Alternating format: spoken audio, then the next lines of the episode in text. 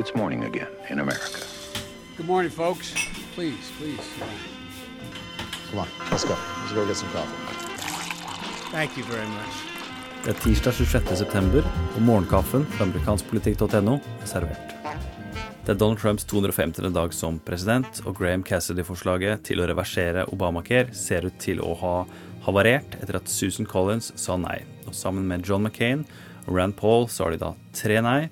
Eh, Tidsfristen for å klare å få det her igjennom med kun republikanske stemmer er 30. september. Cassidy og Graham har ikke gitt opp helt enda, men det ser ut som dette reformforslaget nå omsider er dødt. Utenriks så truer nå Nord-Korea med å skyte ned amerikanske jagerfly, selv om de befinner seg utenfor nordkoreansk luftrom. Bakgrunnen her er at Nord-Koreas utenriksminister mener at Donald Trumps utspill på Twitter tilsvarer en krigserklæring. I dag har vi også to 2016-relaterte saker. Den første trist, den andre litt artig første er at Anthony Weiner, mannen til Huma Abedin, Clinton-rådgiveren, nå er dømt til 21 måneders fengsel. Og Bakgrunnen er at det for et år siden ble avslørt av Daily Mail at Weiner over flere måneder hadde sendt seksuelt ladede tekstmeldinger med en 15 år gammel jente.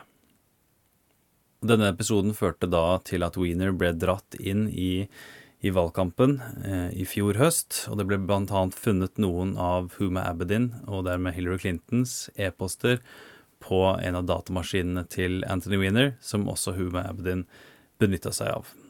Den andre litt artigere saken er at i tillegg til Jared Kushner, så skal Steve Bannon, Ryan Spreebus, Ivanka Trump og Stephen Miller ha benytta seg av privat e-post i det hvite hus, det er jo helt utrolig etter alt fokuset på Hillary Clintons bruk av privat e-post og privat e-postserver i fjorårets valgkamp. Dagens utgave av Morgenkaffen er servert av Martin Totland og undertegnede Are Togflaten.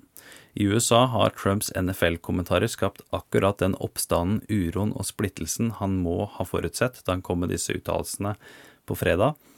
Så saken her den ruller nå videre, og vi skal først høre Sarah Huckaby Sanders, Trumps pressesekretær kommentere denne saken i går, etterfulgt av Stephen Colberts bitende punchline om Trump fra i går kveld.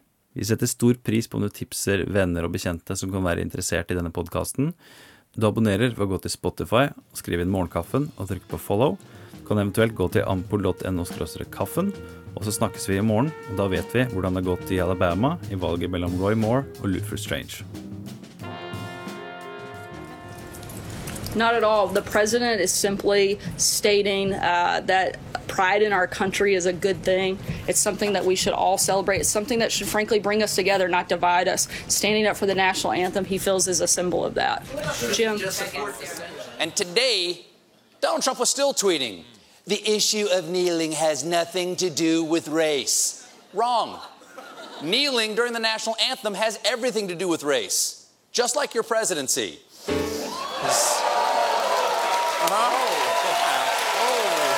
Seems like it a little bit.